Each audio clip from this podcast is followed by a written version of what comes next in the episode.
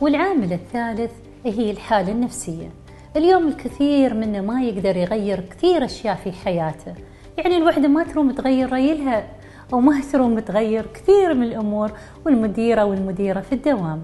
ولكن نقدر إن إحنا نتحكم بالحالة النفسية اللي تضمن لنا الصحة الإنجابية بكل مراحلها من خلال استخدام كل الأدوات المتوفرة مثل التنفس الطبيعي أو رياضة التنفس إضافة إلى اليوغا وطبعا التركيز أو التأمل في أي من الأنواع. سواء كانت في الفروض الخمسة للواحد يخشع يوم يصلي في خشوع تام ويركز على هذه المرحلة الإيمانية أو حتى مع إخواننا البودس اللي يأخذونه بطريقة اليوغا.